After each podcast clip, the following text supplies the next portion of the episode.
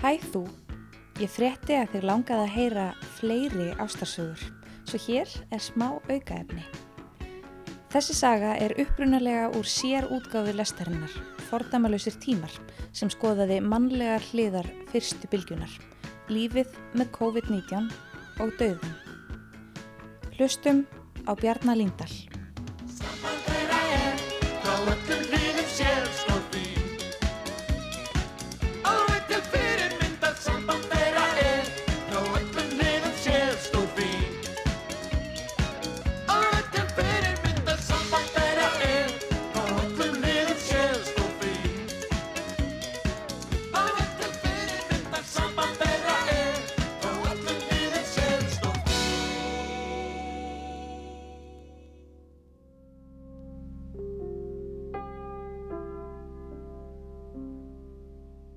Bjarni Líndal Gjestsson er eftirlaunathegi, búsettur á Ísafyrði.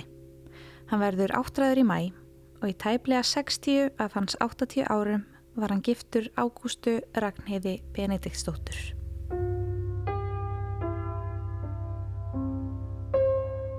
Já, hún var náttúrulega alveg endislega sko. Mikil, mikil húsmóður og barnakona sko hann er. Ól nú er fjögur börn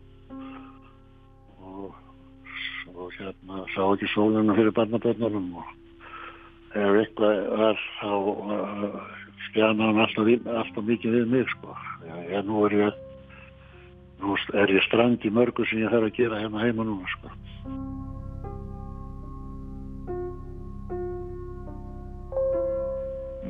Við hjónum fórum til Kanari eins og ofta áður 7. mars þegar við fljóðum út förum heim viku áður en að áallega ferðalók uh, sko.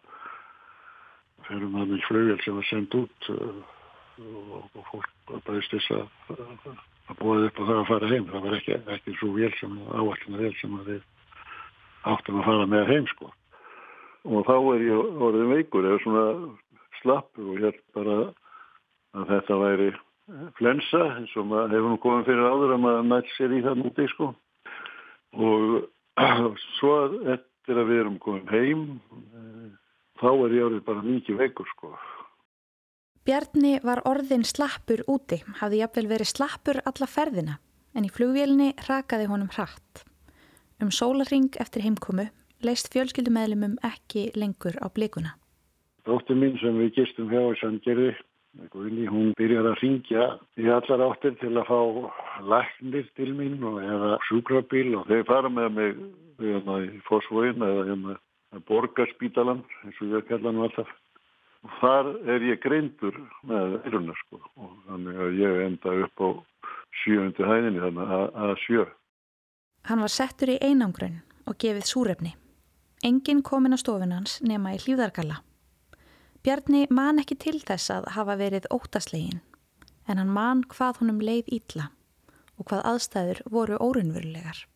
Ég man eh, bara þegar ég er, er að mótmæla því að fara á spítalan og ég man eh, þegar ég er legst í börnum svo man ég ekkert sko eftir ég kem á spítalan sko. Ég, ég, þetta, er, þetta er bara það sem er sagt eftir þú sko.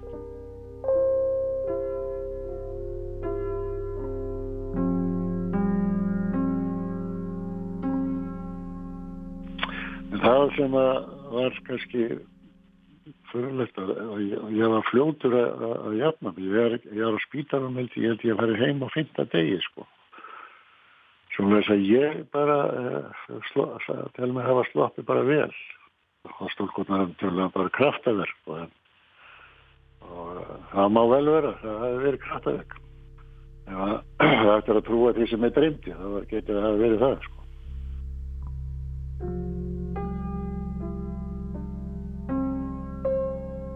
Já, mér dreymi það einu nóttina að mér, að mér, sem ég var alltaf rosalega kallt á fótunum.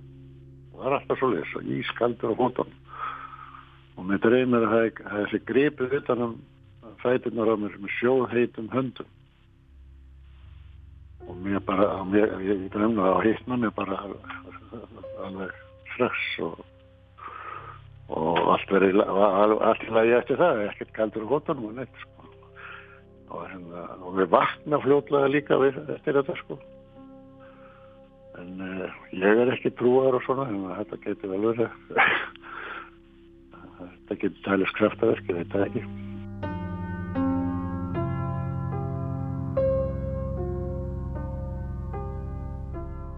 Það er svo aftur verða sko að eftir að ég hef komin heim og er, er hérna í einagunum sko, þá veiki skonarnir sem, að, sem ekki var fann að, hafði ekki verið fann að finna fyrir neinu sko.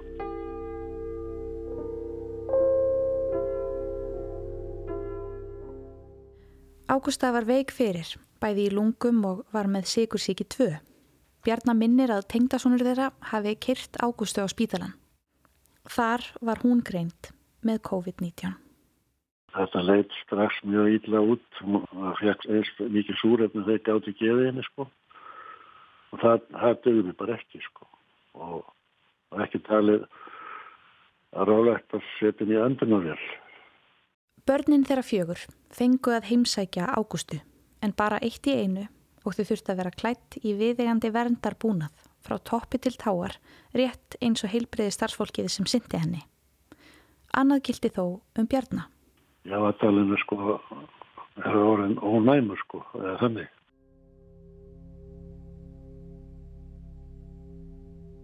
Ég var allt kvöldi þannig kvöldi áður henni og svonur okkar líka fengum við að báða henni og uh, hún var þegar hann kemur sko þá þá var hún orðin rænlus og síðan auðst okkur það að ef einhver trösti sér til þess að sýtja yfir nóttina í þessum galla sem það þurfti að vera í sko.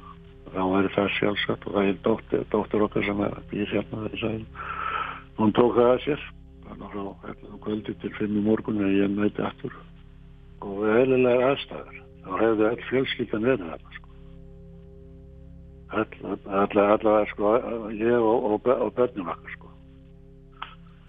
það var ekki hægt að leiða það sko Ágústa lést setna þennan dag. Það var náttúrulega bara, já ég er ekki en það bara allt með ég bara saman sko. Alveg. Bjarni var einn hjá Ágústu þegar hún dó. Eða hér um byl, starfsfólkið sem annaðist hana, annaðist hann ekki síður. Stúlkurnar aðna voru svo indæla sko, voru að koma til minn og það var set að sjá mér sko. Þetta er því sem það hefur tíma til. Hann sá lítið framann í fólkið fyrir hlýðarbúnaðinum en nærveran var dýrmætt og þá sérstaklega þegar komað einum hjókurnafræðingnum sem átti ættir að rekja á Ísafjörð. Að hafa eitthvað hálfvegis kunnulegt í þessum framandi og ógnveikjandi aðstæðum reyndist Bjarnar Huggun. Það var, mikil styrkur sem að ég þekkti til það, ja. Ég veit ekki hvernig það, hvernig það því stendur og það hjálpaði mig mikið. Sko. Tengdasónur Ágústu og Bjarnar vektist einnig og þurfti að leggjast inn á spítala um hríð. Dóttir hjónana sem hjúgraði þeim báðum fór aftur á móti þrísvarsinnum í greiningu en svarið var alltaf neikvætt. Börnin á heimilinu sluppu einnig. Ágústa var kistulögð í kapellunni í Fossvoks kirkjugarði það var búið að gefa leiði ef maður kistin væri opil eins og það er nú venjulega gert sko. En uh, þegar við erum að, að keira frá Sandgeri til Reykjavíkur og langlegina þegar það er fint og sagt að það væri, væri bannað að hafa kistin opna. Það er svona það er svona blendin tilfinning vegna þess að það er nú eitt sem var ekki hægt að gera það var snirtana það er ekki til að smyrta eða að setja líklegið, það er, það er bara sængakoti. Og þetta já, þetta sem það er sett í hérna. Einhver stakkur með rennilós. Þannig að hennar vegna kannski það er kannski ekki byrja alltaf en sérstaklega spennend að það væri hópin sko. Það var líka það, það gátt ekki allir sko fjölskyldan dóttur minna sem við gistum hjá og var öll í sótkví og gæti ekki, ekki mætt sko Það voru þarna sjö, já, sjö, sjö aðstendendur þar sem ekki gæti komið.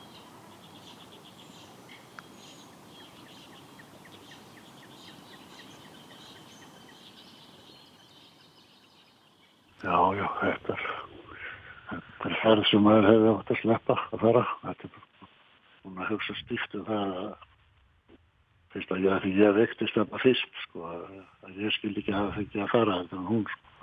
En þá er maður orðið svolítið sjálfsöskur, það er ekki að neyta því.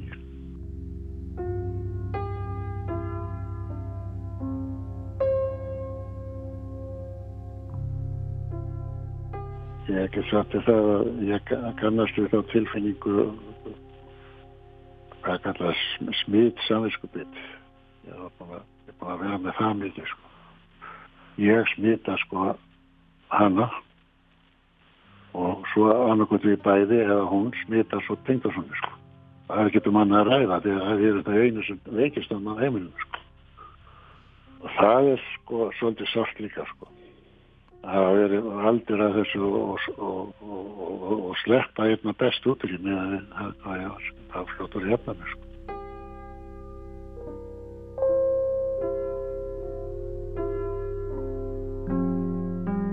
Bjarni eignaðist þetta orð yfir tilfinningar sínar, smitt samviskubitt, þegar hann hyrði fyrst talað gegn því. Heilbyrðis yfirvöld hafa kvart fólk til þess að gera ekki einstaklinga að sökudólkum þegar kemur að koronaveirunni, en Bjarni finnst erfitt að bæja skömminni á brott.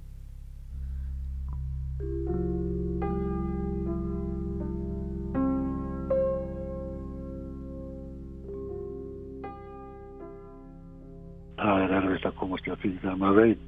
Að maður hafi smita, smita konuna sína þá þá er erfitt að býta það frá sér. Það er, það er að segja þess að þess Já, ég sé nú eiginlega enga framtíð. Við ferðast aldrei, við vorum búin að fara mörgum sinum á Kanari og saman, alltaf saman, alltaf saman, það er saman hvaða fórum ég get nú ekki hugsað mér það að fara að fara að yttranga sko. það er ekki framöndan sem ég nefna þetta ég er bara allir lífið síðan áfram og en nú er það áttræður í núna eftir næsta mánuði svo þess að það er ekkert sem ég nefna bara að býða að komast við hliðin á henni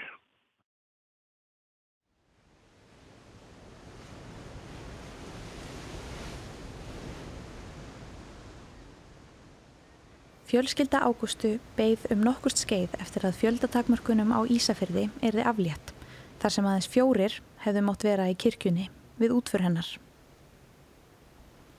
Að endingu var jarðsungið frá Neskirkju, þar sem áttu vera 20 manns, sem dögði fyrir fjölskylduna, prest og organista. Þau keirðu kistuna vestur og jarðsettu á Ísafyrði. Bjarni vonast til að hægt verði að halda fjölmennari minningaráttöfn í sumar.